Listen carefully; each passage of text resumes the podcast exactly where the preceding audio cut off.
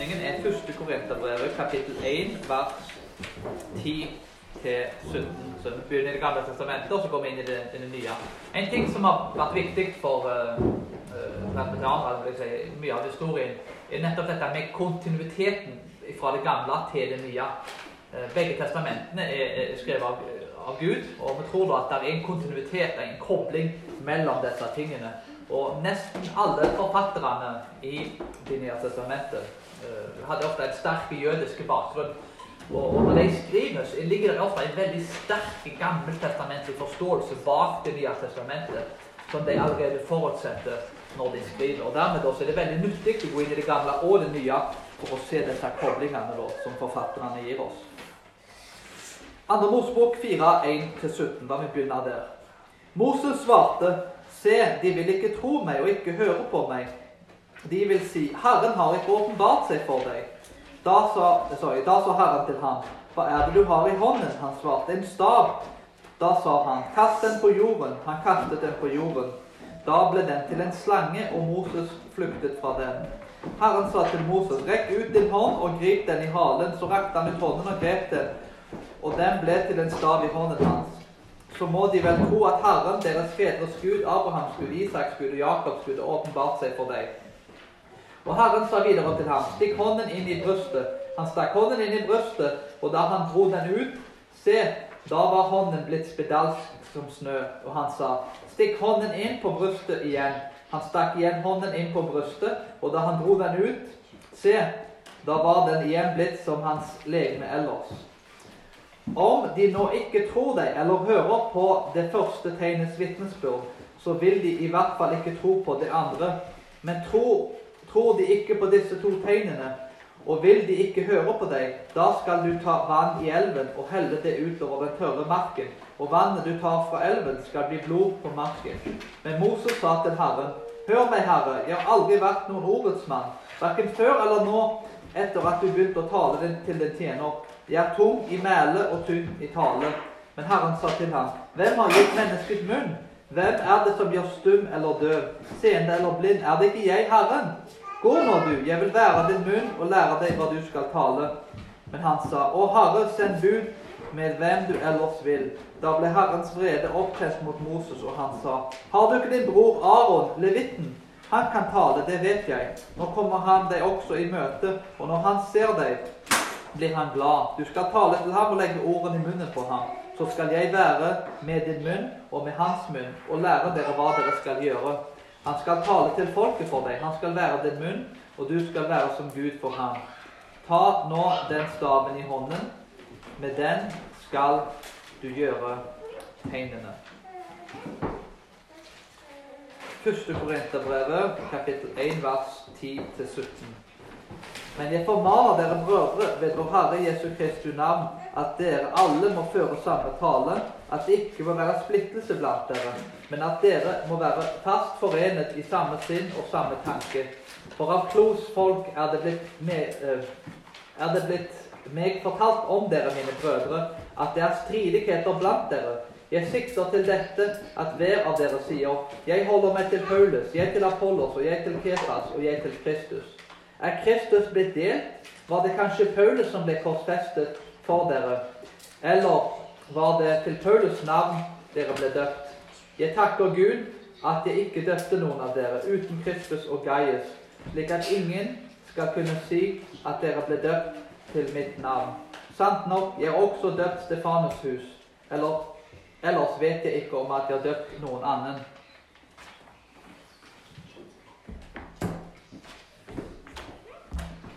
Det er et mykt gjensvar, da eh, sier predikanten. Da, da leser jeg opp det som står, og så svarer da folket. Men han svarte og sa, det står skrevet, mennesket lever ikke av brød alene. Og så svarer dere Men av hvert ord som går ut av Guds munn. Okay.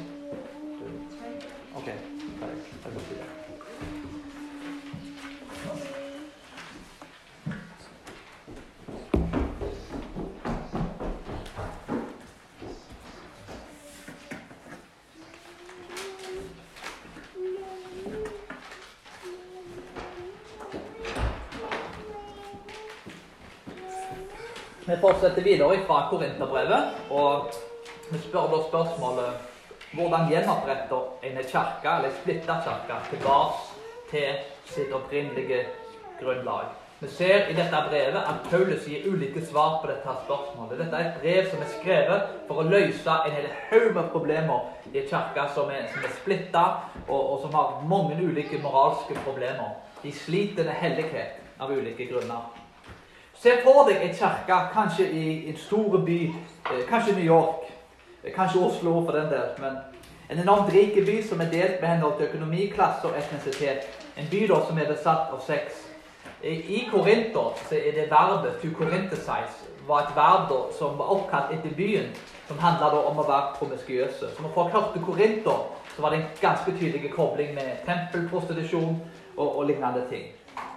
Denne kirka har mange ulike problemer. Det er kirker som er opptatt av store forkynnerpersonligheter. Se for deg en plass igjen med, med store personligheter, makt, penger og med lett tilgang på sex. Det er masse underholdning. En ting vi glemmer ut med Romerriket, er at Romerriket hadde omtrent alt vi har i dag. Ja, de hadde ikke Steve Jobs, de hadde ikke iPad, det er sant. Men de måtte gå ut på gatene for å se de tingene. Litt varmere i Romerriket, kanskje det er hardere om vinteren. Men eh, de, altså, de kunne gå ut og se disse tingene fysisk. Det var masse teater og masse andre ting. Så det var en ekstremt rik plass som hadde utvikla mye kultur. Og dermed så hadde de faktisk overraskende mye ting og underholdning som vi har i dag. Til tross for at det er åpenbart også ulikheter. Eh, det var tolv avgudstempler i Korint, og det lå rett attmed vannet. Og Dette kan i stor grad kanskje minne da, litt om Las Vegas, kanskje litt om, litt om, litt om New York, da, som de store, kanskje internasjonale byene. Det er ikke det samme som at alt er likt, men du finner da visse likhetstrekk prostitusjon og, og, gambling og den type ting da var, var, utbredt. Og Korinter var jo en, en veldig hedensk by, og det var òg en, en, by der som kan mildt sagt kalles ganske umoralske. Ut ifra nesten alle altså På norsk standard iallfall, og uavhengig av om en, er kristen eller ei. Mange ville sagt at dette er ikke en plass som du, du ønsker å sende barna dine. Dette var òg en, en, plass da, som var delt med klassedelt. Den var delt med henhold til etnisitet og andre ting, som mange plasser i dag er. Og da er spørsmålet hvordan planter en å opprettholde og bygge opp en kirke på en sånn utfordrende plass som dette her? Eh, hvordan kan en kirke være i verden, men ikke av verden? Hvordan kan en være hellige i en uhellig verden, en uhellig by på en uhellig plass? Og hvordan gjenopprette en kirke tilbake til sitt opprinnelige grunnlag? Paulus hadde planta denne kirka, og nå har han en haug med problemer. Og jeg sa i den første talen at hvis Paulus planta en kirke, og kirken har problemer i etterkant, og den store apostelen Paulus, så tenker jeg at uh, hvis vi gjør noe feil, så tenker jeg at da har vi jo lov til å gjøre noen feil, tror jeg. Så i hvert fall, uh, Paulus gjorde sannsynligvis mye mer rett enn noen av oss. Men, men til og med han da klarte ikke å, å plante en perfekt kirke, pga. at det er jo ikke perfekte mennesker. Men i lys av dette da, så er det tre ting vi skal se på for å finne ut hva som kan bli gjort i disse versene til gjenoppretta kirker. Hva er det som skjer i teksten? Jo, det er en kirke som mangler enhet, sinn og dom.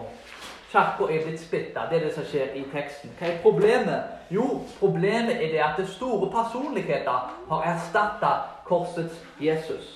Og nummer tre, det å returnere da til proklameringen av korset er jo løsningen på dette problemet. Så Paulus organiserer denne teksten på en måte. Hva er det som skjer? Jo, dette er problemet. Det mangler enhet. Årsaken til dette er store personligheter som dominerer i plassen for Jesus. Og løsningen er at vi må tilbake til korset. Vi må tilbake til Jesus. Nummer én Vi går opp på den første tingen først her. En kirke som mangler enhet, sinn og dom, er blitt splitta. Altså en kirke som ikke har disse tingene, er blitt en splitta kirke. I vers 10 så Paulus formaner brødrene ved vår Herre Jesu Kristi navn. Merk her at Paulus ikke henviser til store navn. Paulus sier ikke 'jeg er den største apostelen'. Og han var den største apostelen. Han kunne jo sagt at eh, Paulus hadde oppriktig grunn til å skryte. Dette var en av de mest lærde folkene på sin tid. Han hadde studert som bergamanisk, den største visdomslæreren kanskje som levde på den tida. Eh, Paulus var en ufattelig fattelig lærde mann. Altså, det var en mann som hadde romersk statsborgerskap. Han kunne sagt 'Jeg er Paulus. Gud snakker til meg direkte. Jeg er en profet.' Altså, hør på meg. Men Paulus gjorde ikke det. Paulus gikk av seg sjøl ned og han identifiserer seg sjøl som, som, en bror i Kristus. Det er en utrolig ydmykhet som, som, den lærde Paulus har her. Han begynner å peke på Jesus Kristus. Paulus vil etablere autoriteten sin ut ifra Kristus som en da ekte apostel. Paulus henviser til folkene som brødre. da. Greskene inkluderer også kvinner. Det er måten greskene ble brukt på, inkluderer da begge kjønn. Han er altså ikke en apostel som kommer for å herske over dem. Og Hvis det er én person som virkelig hadde grunn til å være stolt til å si Gud har brukt meg mer enn noen av dere, så er det Paulus. Men Paulus gjør ikke det. Han underlegger seg Kristus som autoritet og identifiserer seg med folkene. Jeg er ikke noe annet enn en bror som Gud tilfeldigvis har brukt til å gjøre store ting, men jeg er en bror først og fremst i Kristus. Han sier at de må være av samme tale, og at det må ikke være splittelse blant dem, og at de må være forena i samme sinn og samme tanke. En utfordring i denne kirka er at hun var klassedelt. Det var noen veldig rike folk i denne kirka. Og i denne kirka så, så, var det sånn at de rike de hadde ofte store hus. De hadde ikke svære forsamlingslokaler, sånn som vi har i dag. Uh, det var forbudt å være kristen på denne tida, så du kunne ikke gjøre ting så åpenlyst. Noen ganger så måtte det under jordet, andre ganger så var det en rik person i menigheten da, som inviterte alle da, til huset sitt. Og, men pga. at de husene ikke var fullt så store sikkert som det er plasser i dag, så var det vel sannsynlig å si at de måtte dele seg litt opp. Noen forkynnere måtte være i det huset, noen var i det. Så søndagen var ikke nødvendigvis at alle samles i samme lokale på søndagen. Dette var ikke årsaken til splittelsen, men det bidro til splittelse. Det viktige her er uansett at Jesus er fundamentet, at de forener i sin tanke og tale. At de må skille mellom godt, godt og ondt, og at de, de, har den enheten som eksisterer her i Kristus. I vers 11 så står det For av klorsfolk er det blitt meg fortalt, dere mine brødre, at det er stridigheter iblant dere. De som delte denne informasjonen, da var, var Chloe, da, som sannsynligvis var en veldig rik forretningskvinne. Det finnes altså stridigheter og splittelse blant folket. Det greske ordet som er brukt der, er skismo. Ut ifra konteksten så virker ikke dette til å være noe sånn ekstremt alvorlig. At her skal vi dele oss opp og gå vår egen vei. Det var ikke den typen splittelse. Det var mer en stridighet, en intern stridighet. Som allikevel var alvorlig, men ikke i den forstand at du ville splitte kirka, iallfall som det første. Det er altså igjen ikke en, en ekstremt alvorlig situasjon. Men det er alvorlig nok til at Paulus må adressere det. En altså intern stridighet. Hva er problemet? Intern stridighet er at Jesus ikke er fundamentet. Det var altså mangel på samme sinn, tanke og tale. Og igjen, du har den geografiske biten at folk i ulike hus. Eh, det er litt interessant her at når en forsamling er, er, er fordelt eh, sånn at man splitta, og det er interne stridigheter, at en ikke da har en viss enhet, så er det veldig enkelt å, å, å bli splitta over tid. Eh, de gamle kolonistene si, England, som koloniserte store deler av verden Grunnen til at et lite land som England kunne ta svære land sånn som India Og igjen, kolonisering er jo ikke en bra ting, det er jo en ondskapsfull ting. Som på ingen måte rettferdiggjør. Jeg bare beskriver hva som har skjedd gjennom historien. Men grunnen til at det lille landet England da, kunne ta store land, var på grunn av at det var kanskje en tusen stammer i India. Og alle de stammene hata hverandre. Engelskmennene kom inn og, og, og satte stammene opp mot hverandre. For stammene var splitta. Jobba ikke i lag om å bygge opp India. Men, mens engelskfolkene da var forent, og dermed da, så kunne de lett gå inn og ta andre. Hvis en menighet er splitta, så er det veldig enkelt for folk utenfor. Og det er enkelt for djevelen å komme inn, sette folk opp mot hverandre, splitte folk og herske over dem. Og til slutt da, så er det ikke Jesus lenger som er et fundament som bringer enhet, men splittelsen da kan lede til egentlig helt forferdelige ting. Denne splittelsen kan bli enda større da ved internettet, ettersom en kanskje har ulike talere en hører på. Etter covid så har vi vel i større grad kanskje da sittet på, på internett og hørt på ting. Så dagens kirke pga. disse tingene kan sies å være splitta. Ulike favorittforkynnere, ulikt sinn, tale og tanke. Og I Norge så går vi opp ganske sjelden til kirka. Altså I snitt så tror jeg opp 2% Og Det er veldig vanskelig å skape enhet under sånne omstendigheter. Veldig vanskelig å skape enhet. Og løsningen på dette problemet da, er jo flere. Men for å forstå hva løsningen er, så må vi også forstå hva problemet er. Så Paulus beskriver her i første biten dette er det som skjer. Det er mangel da på enhet. Hva er årsaken til at det er mangel på enhet? Hva er hovedårsaken til det? Jeg har nevnt noen av årsakene. Det kommer til det andre punktet her, og det er problemet er at store personligheter blir viktigere enn Jesus. Det er vers 11 16. I vers 12 så, så sier Paulus Jeg sikter til dette at hver av dere sier jeg skal holde meg til Paulus, jeg til Apollos, jeg til Kepas og jeg til Kristus. Apollos da var jo en, eh, en, en veldig uh, eloquent, altså en veldig uh, hva blir det, på norsk? Altså en, en, en veldig veltalende mann som sannsynligvis fra Alexandria, og som hadde stor filosofisk visdom. Han er veldig fruktbar tjeneste i Korint, det ser vi i Apostels gjerning kapittel 18. Og det var sannsynligvis han, da, vi vet ikke det med sikkerhet, men som hadde introdusert denne filosofiske visdomsmåten kanskje forkynne på da, i Korint. Det var sikkert en veldig bra fyr, men han hadde en mer intellektuell måte kanskje å forkynne på. Det var liksom en stjerne blant noen. Kanskje blant de lærde, da, som var liksom Apollos. Han er Jeg digger han, liksom. Han er den beste fyren. Så har du Ketas, da, klippen da, som kirka skulle bli bygd opp på. Uh, Peter var jo en, en, en ja, altså, var jo en av disiplene til Jesus. og Blant de jødiske kristne så er det sannsynlig at han var den store stjerna. At han var noens favorittforkynner. Han var eh, mannen da, som hadde jødisk blod. Han var den jøden som hadde den jødiske bakgrunnen. Og, og Jesus hadde jo valgt ham ut spesielt til å utføre veldig spesielle oppgaver. Så Kephas var sannsynligvis en stjerne blant andre. Men Paulus argumenterer her i vers 13 at er Kristus blitt delt, var det kanskje Paulus som ble korsfesta for dere? Eller var det Paulus navn dere ble døpt? Paulus igjen bruker dette argumentet. Uh, han bruker en teknikk da, som kaller reductio ad absurdum, som, som, ligger litt i navnet. da, At du uh, maler da motstanderens argument. Altså Du, du vektlegger absurditeten bak det. Altså Paulus bruker altså et retorisk spørsmål for å spørre om de var døpt i Paulus navn. For å påpeke det åpenbare. Igjen, det var ingen som var døpt i Paulus navn. Så det, det er en, en, litt interessant litt sånn uh, sarkastiske måte egentlig å, å, vise på en måte hva absurd uh, måten de tenker på er. Han vil kritisere korinterne for å vise dem hvor feil de tenker om ting. Er Kristus delt, er jo, er jo et av spørsmålene her. Også. Dette er jo en beskrivelse av en splittelse, da, et hus som er splitta mot seg sjøl. Og Paulus går inn i denne situasjonen. Problemet her er at det er et veldig sterkt menneskefokus. Det er ikke et fokus på det Jesus har gjort, men det er et fokus da på det mennesket har gjort. Og en ting vi vet med, med mennesker, at vi er veldig flinke å skape stridigheter og splittelser. Det er sant i kirka, det er sant i politikken, og det er sant i familier. Det er sant samme hvor du er. Mens Jesus derimot skaper alltid enhet. Vi er mennesker klarer alltid å få fram en splittelse, men Jesus skaper alltid enhet. Og da er spørsmålet var det i Paulus sitt navn dere ble døpt. Igjen, det er et åpenbart svar på det argumentet. Men dette med dåp er jo en fantastisk ting, for dåpen er jo et tegn og et seil på at den er en del av Guds pakt. Etter uh, syndefallet så ser vi da at Adam og Eva får, får et tegn, da, eller et, et dyreskill til å dekke dem, sånn at de, de, de er dekket under Gud.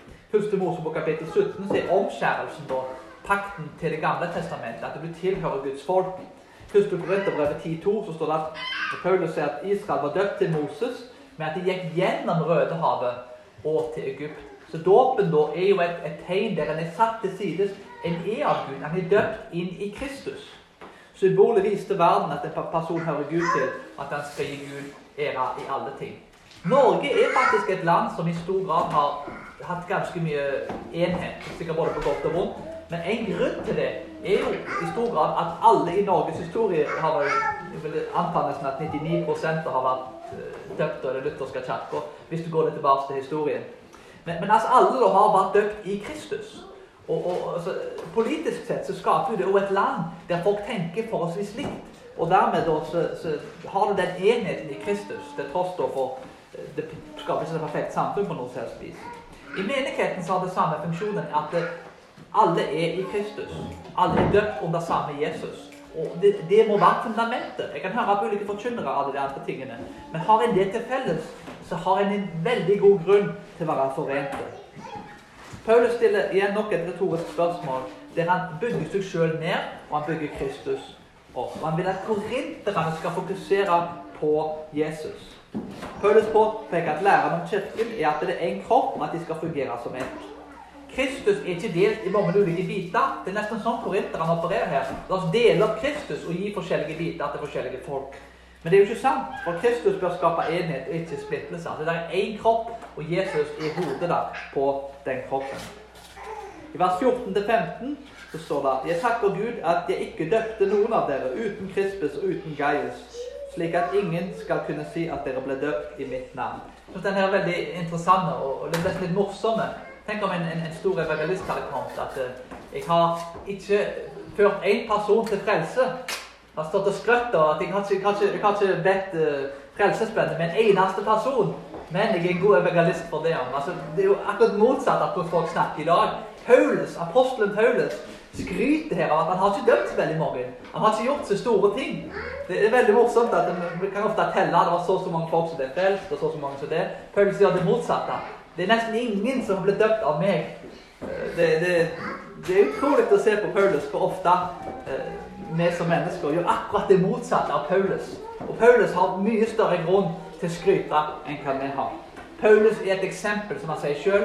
Imiterer meg på samme måte som jeg imiterer Kristus. Her har vi virkelig noe å lære av Paulus. Paulus fortsetter å klargjøre at han ikke er ute etter å skape personlige etterfølgere. Paulus er ikke interessert i å skape masse Paulus-disipler. Han er interessert i å skape Jesus-disipler. Den store lærde Paulus jekker seg sjøl ned og bygger Kristus opp. Eh, han påpeker da Kristus og, og Gaius, som er Kristus var en synagogeleder i Apostelens gjerning kapittel 18. Gaius var da i Romerbrevet 1613 en verter som var veldig gjestfri da for kirka. Så dette er to gode folk selvsagt, som ble døpt da. Og, men Paulus skryter at det var kun de faktisk da, som, som, som han da hadde døpt, og var glad at han hadde døpt flere. At ikke Paulus, dette skulle være ei Paulus-kirke.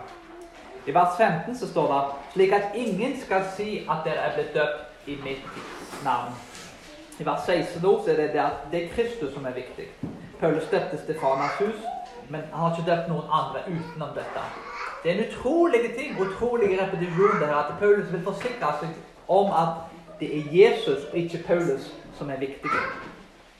Paulus påpeker nok en gang her at Paulus' sin personlighet er ubetydelig. Og han vil at Kristus skal løfte opp. Og Den hellige ånd, når den har en tilstedeværelse, så vil alltid Jesus bli opphøya. Det er en ting du kan vite folk snakker om Den hellige ånd. Den hellige ånd. Hvis Den hellige ånd er til stede, så er det Jesus som vil bli løftet opp. Ikke personligheter og ingen andre ting, men Jesus. Problemet i denne kirka er nettopp det at store personligheter er blitt viktigere enn korset til Jesus. Og dette skaper splittelser i kirka. Dåpen er ment å døpe folk inn i Kristus, og ikke inn i Apollos-grupper og Kefas-grupper og Paulus-grupper, men inn i Kristus. Og det bør produsere enhet. Hvis folk er døpt i Kristus, så, så bør en kunne si ja, vi er alle døpt i Kristus, og det er fundamentet. De andre tingene kan være viktige å snakke om i etterkant. Men har en del som fundament, så har en faktisk en god grunn til å være forente med folk. Og En måte jeg tenker på dette på, er jo i dag at uh, vi lever i en tid der det er mye unødvendig splittelse. Og Paulus hadde klart noe svært få folk klarer å gjøre i dag, i hvert fall forhold til kirkeplanting. Han klarte å gå inn på en veldig uheldig og, og en plass som ikke var spesielt positivt innstilt til kristendom. Og han planta ei kirke med ulike sosiale klasser. En kirke med folk med ulike etnisiteter. Og i dag er det en uvanlige ting og utrolig vanskelige ting å få til. Jeg har besøkt enormt mye kirker i livet mitt. I Amerika siste halvår var jeg i minst 20 pluss kirker. 20-30 kirker i ulike stater. California, Virginia, Philadelphia. Altså jeg har reist mye der og besøkt ulike kirker. Kirker flest er like. Samme sosiale klassen, samme etnisiteten. Og det er noe som er ganske konsekvent på verden rundt. Folk henger som regel med grupper som er veldig like seg sjøl. Eh, det er en utrolig ting at Paulus har fått til å, få drite og fattige i samme gruppe. Det var ei kirke jeg var i som var et unntak. Det er Tim Keller forresten, han er et unntak. Han har klart å bytte opp en kirke med veldig ulike folk der. En veldig blanda kirke. Men det er jo vanlig. Han er vel et unntak bruk heller enn regelen. Eh, men det var ei kirke jeg var i der det var noen veldig rike, det var veldig fattige. Og, etnisk sett i forhold til raser så var det utrolig blanda så det var en utrolig ting å se, men det var et ganske unikt unntak. Jeg har at det klart og, og gjort noe som nesten helt umulig. På mange måter er det mye enklere hvis alle folk er like. Det er ikke bedre at alle folk er like, men det er enklere å, å bygge opp ting og gjøre ting i lag. Så Paulus gjør noe som går veldig imot kulturen. Likt det, et ekteskap. Det, det, er mye enklere å, å gifte seg med noen som er, veldig like seg sjøl i kultur og verdier og andre ting. Mens uh, det er mer utfordrende å få ting til å fungere hvis den er veldig ulik. Og litt er det med kirka. At uh, når en bygger opp en kirke Jeg tror det er mer bibelsk å ha en kirke med ulike mennesker fra ulike bakgrunner. Så jeg er absolutt en, en stor tilhenger av det. Men det er mer utfordrende å få det til. Men nettopp derfor er Jesus så viktig. Vi må ha han som et, et fundament som er med å forene folk fra ulike bakgrunner. I åpenbaringsboken ser vi klart og tydelig at mennesker fra alle ulike nasjoner og etnisiteter kommer sammen og tilber Gud i lag. Og Det er et utrolig vitnesbyrd i dagens kultur å se at eh, vi er ulike, og likevel så har vi den enheten som eksisterer i Kristus. Det er noen praktiske anvendelser midt oppi dette her, som, ting som vi kan lære. Og det er la ikke disse tingene som har med splittelse og stridigheter å gjøre, komme i veien for det som er viktig. Det er store debatter om bibeloversettelser. Og noen ganger så kan faktisk folk i Norge og andre land være splitta over at en bruker da ulike oversettelser av Bibelen. Og Det er viktig med bibeloversettelser, viktige debatter, disk, viktige diskusjoner. Men en kan ikke la de tingene komme i veien for at en tilber Jesus i lag. Det er helt i orden at folk tenker ulikt om hva bibeloversettelsen en bruker. En bør fortsatt huske på en var døpt i Kristus, og ikke, ikke altså visse bibeloversettelser sitt navn. Men han var døpt i Kristus, og dette bør forene en i lag. Og så kan en heller være uenige om de tingene og respektere hverandre. Nummer to en kan bli splitta etter de ulike forkynnerne som en følger. Mange i dag kan, en kan bli vurdert ut ifra den forkynneren en følger. Og det, det, er veldig flott å høre på ulike forkynnere, til og med folk som en er uenige med. Men jeg kan ikke la det komme i veien for enheten. Nummer tre i Amerika spesielt, og jeg ser også faktisk kanskje i stor grad i Norge Politikk i dag er blitt en ting som er kommet i veien for at folk kan tilbe i lag. I Amerika spesielt, eh, jeg har bodd i Amerika fire og et halvt år, og det, det, det, er et spørsmål som er mer avgjørende enn om du er kristen. Og Da snakker jeg om, om kristne folk som kommer sammen. Er du for eller er du imot Trump? Det avgjør om folk kan være venner eller ikke. Og Halvparten av Amerika er foran, og halvparten er mot. kan du si. Og Det er det tragiske ting. Det er viktig med politikk. Dere vet at jeg er veldig glad i politikk. Men, men det er veldig trist at folk lar det komme i veien for å, å tilbe Gud i lag. Når du står foran sakramentene, når du står foran forkynnelsen av Guds ord, Eh, jeg kan være sterkt uenig med folk og mener de tar helt feil i de politiske synene. Men, men det er like. Troen på Jesus er det som er sentralt. Og Det er tragisk å se hvor ufattelig politisk Iallfall spesielt kanskje Amerika, men jeg ser mye av disse tingene kommer til Norge òg, så vi tenker rundt disse tingene. Hvis noen har et annet politisk perspektiv, så kan jeg ikke engang være venner. Jeg bodde i Taiwan neste år, og der, hvis du stemte på et annet politisk parti, så var det noen folk som ikke kunne vært venner, altså som er kristne. Dette, dette, er ikke bare i Vesten, kanskje. Dette ser du i andre land òg. Heldigvis er ikke alle folk sånn. Men uh, det er mye historie og følelser involvert. Og det er en grunn til at ting er sånn som det er. Men, men, vi kan ikke la disse tingene være med og, og splitte oss. Jeg kan være sterkt uenig med folk og mener de tar helt feil, og at de gjerne tror på ting som er ødeleggende. Men Kristus er fundamentet, ikke politiske ledere. Og det, Guds rike er ikke av denne verden. Husk det at når Jesus kom, så kritiserte han sadukeeren, som, som, var liberale, og han kritiserte fariseeren, som var konservative. Og Jesus velta bordet og, og kjefta de svarte, da, uansett hva syn de hadde. Så, så, Jesus hadde sannsynligvis hatt sikkert noe kritikk til oss alle da, når han kom. Det er ingen som hadde fått alt rett. Husk at Guds rike er ikke av denne verden. Nummer tre. Å returnere til proklameringen av korset er det som er sentralt. Problemet er splittelse og disse personlighetene som dominerer. Løsningen her da er korset. Vers 17. For Kristus har ikke utsendt meg for å døpe, men for å forkynne evangeliet. Og det er ikke med vise ord for at Kristi kors ikke skal tape sin eh, kraft. Dåpen var for jødene det som avgjorde om en person da ble kristen. I mange andre kulturer så er dåpen vendepunktet i islamsk kultur. Hvis noen blir døpt i Kristus, da, da er du kristen, kan du si. Og da blir en ofte forfulgt som kristen i, i, mye av de landene. Da. Men det er dåpen som er på en måte den avgjørende tingen faktisk for eh, Ofte så oppfører ofte mange ikke-vestlige kulturer forstår dåpen bedre enn vi som kristne gjør her i Vesten. Frelsen altså, kommer ikke som et resultat av dåpen, men dåpen er jo en veldig viktig og sentral ting. Paulus var på et sted i Korint som var nærme Aten. Det var mye filosofiske visdom, mye retorikk. Og Paulus var en helt ufattelig lærde person. Eh, en ekstremt intelligent mann. Han kunne snakke for seg. Han kunne drive retorikk og alle disse tingene. Han hadde kunnskapen til virkelig logisk sett legge fram den perfekte talen på godt gresk vis. Men han brukte ikke denne menneskebaserte visdomstalen i kirkesammenhengen. Husk at dette er skrevet i ei kirke. Hva skal gjøres innenfor kirka? Men han gjorde ikke dette fordi at korset kunne bli tapt for sin kraft. Paulus påpekte at korset, korset til Jesus er ofte i strid med hvordan vi mennesker ser på ting. Gud valgte en hedning Abraham, en ubetydelig fyr, til å være far til nasjonene i 1. Mosebok kapittel 12. en, Han valgte den yngste personen, David, en gjeter. En, en, ung kar i den kulturen, i den laveste eh, statusen. Og en gjeter, en skitten gjeter, ble kongen og forbildet for nasjonene. Han, han, han, valgte folk som hadde slo på nevene, fiskere. Han valgte tolleren, som var, var, en svindler. En person som jobba i lag med romerne og, og jobba imot Guds folk. Altså Dette var judaser i kulturen. Dette var altså, en person som Gud valgte ut. Han valgte Paulus, den verste av de alle, altså sjef, sjefen av alle syndere, som Paulus kaller seg selv. En mann som drepte kristne. Altså, Hvis det er en person som du ikke hadde trodd kunne bli kristen, og som kunne bli brukt av Gud til å gjøre de tingene han gjorde, så var det Paulus. Paulus var som sagt sjefen av alle syndere. Dette er folkene som Gud velger ut til å gjøre sitt verk. Og det er én ting jeg har sett både i Bibelen og i mitt liv som kristen, så er det at Gud velger svært ofte ut de mest overraskende folkene altså de mest usannsynlige folkene til å gjøre de mest sannsynlige tingene for Gud.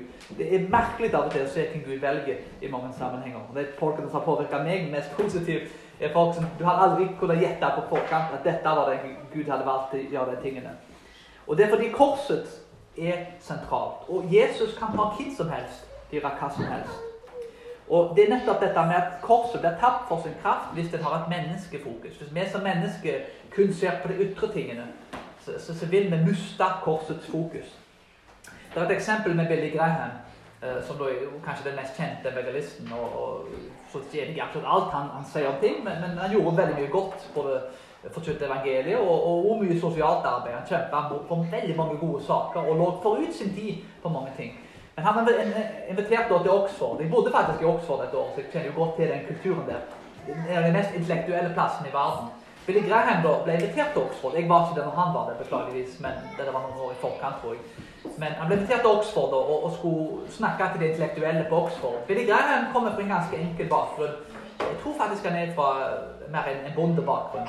Og kommer ikke noe spesielt høy utdannelse. Ikke, noe, ikke regnet som en lærd mann i forhold til utdannelse og kunnskap. Men uh, Billy Graham ble invitert til han skulle snakke til disse Oxford-intellektuelle. Og dette er en mann som har snakket om hele verden og prekt, og, men han var nervøs foran dette. Han var ikke noen sånn store lærd og intellektuell. Hvordan kunne han komme til alle disse Oxford-intellektuelle og dele ting? Han kom der og, og, og begynte, begynte, å snakke. Eller forberedte seg å skulle være en, litt mer intellektuell forståelse av evangeliet. Og det funka ikke. da. Det var null respons. Folk syntes det nesten var litt unaturlig for han å snakke på den måten. Billy Graham sa at dette funker ikke, jeg, jeg, må gå tilbake til korset. Og han etterkant så gikk han igjen, og han forkynte evangeliet som han pleier å gjøre på de store plattformene. Han forkynte det klart og tydelig. Han forkynte korset til Jesus. Og, og folk responderte. Det var folk som, virkelig fikk en, en, en forvandla opplevelse med, med, i møte med, med Billy Graham når han pekte.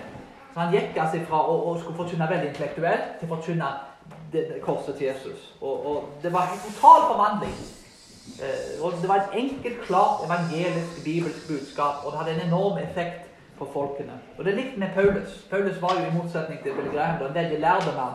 Men han hadde da et enormt fokus allikevel på korset til Jesus. Noen anvendelser her nå vi kan lære, er at uansett hva vi gjør, så må vi la Bibelen være den endelige autoriteten for alt vi gjør. En annen ting vi kan gjøre, er at vi kan ikke la de små tingene komme i veien for det som er sentralt og viktig, altså de større tingene. Politikk, bibeloversettelser, favorittforkynnere er ikke det sentrale, men det er Kristus, og at den er døpt inn i Kristus. Folk kan bygge Guds rike sammen, uavhengig av hva syn de har på de andre tingene. For det er korset som er det sentrale. Du vet at Jeg er veldig glad i filosofi, veldig glad i, i ja, å lese og, og, dette med ja, trosforsvar og, og, alle disse tingene. Så jeg er veldig glad i det intellektuelle livet. Så jeg, jeg, argumenterer ikke imot det her. Og det er heller ikke Paulus. I Apostelens gjerning kapittel 17 så går Paulus ut til filosofene og argumenterer mot dem. Dette er altså i en kirkekontekst. Så jeg er utrolig glad i de tingene og oppmuntrer folk til å delta i det intellektuelle livet. Kunnskap og filosofi kan være kjempebra og kjempenyttig. Og det kan fungere ofte eh, som eh, trosforsvarer at du legger en stein i skoen på folk. Gjør folk veldig ukomfortable. De kan ta av skoen og at de kan ta på Kristus. Det kan være nyttig til å vekk innvendinger, og at evangeliet kan forkynnes inn i livet til folk. Men evangeliet og korset til Jesus må alltid være det som står sentralt. En tale da, på en gudstjeneste på en søndag uten Kristus er jo ikke en tale. En må alltid velge å høre på folk når det kommer da til søndagsgudstjenesten, da, der Kristus blir forkynt. Kristus er det som er sentralt, og det er han som bringer enhet inn i menigheten. Det er ingenting annet som kan fikse det problemet. Og det er nettopp dette med korset til Jesus. Hva er dette budskapet? Hva er budskapet om Gud? Det er budskapet at skaperen av universet kom ned på jorden for å ta på oss dine og mine skitne synder. Se for deg sjøl du har gått i T-skjorte i ti år. Det er skitten T-skjorte. Altså, den er, den er svart. Altså hvite T-skjorter som er det er ti år med uvaste T-skjorte. Ei forferdelig T-skjorte som, som, lukter altså På ti meters avstand så kan du kjenne lukten av T-skjorten. Denne T-skjorten har du på deg.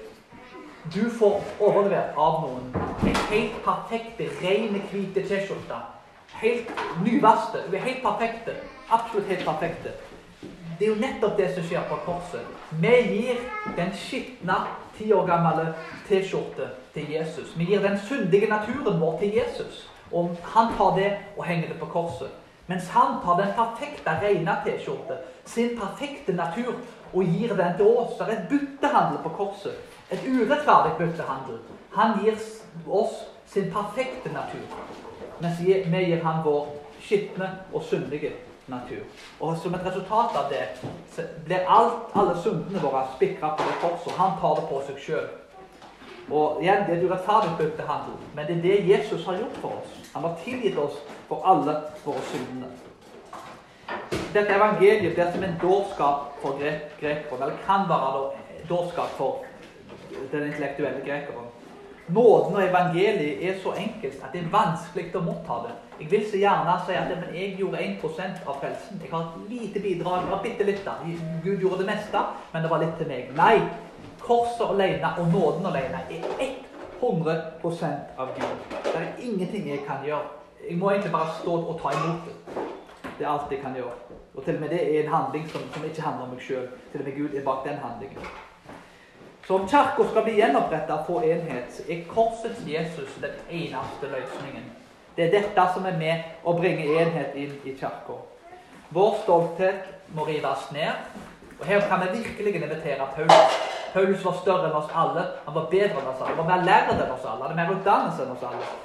Og likevel så gikk han seg sjøl ned, sånn at Kristus kunne et løfte opp. Så la oss invitere Paulus på disse punktene og være med og peke på korset. Og la det være endestasjonen vår i alt vi gjør. Og med det i minne så ber vi. Himmelske Far, takk for dine gode gaver. Takk for korset til Jesus. Takk for det du gjorde på korset. Og Minn oss på at vi, vi, kan alltid delta i intellektuelle ting. Vi kan, vi kan studere ting. Og, og, du har gitt oss en hjerne som vi skal bruke. Men samtidig så må det alltid være korset som er sentralt i alt vi gjør. Hjelp oss å hvile på det. Og jeg ber ord for den presbyterianske kirka i Norge at vi, du gir oss enhet. Eh, ingen av oss har vært perfekte med, med å skape enhet, men, men heldigvis, eh, til tross for våre feil, til tross for mine feil, til tross for mine mange synder, så, så er det mulighet med enhet i deg. Jeg takker deg for det, Jesus, og at du vil bringe enhet inn i våre liv og inn i Kirken sitt liv. Og hjelp oss til å være de fredsmeklerne som er med og påpeker på korset, sånn at Kirken i Norge kan få enhet. Og at vi får intern enhet i menigheten. I Jesu navn. Amen.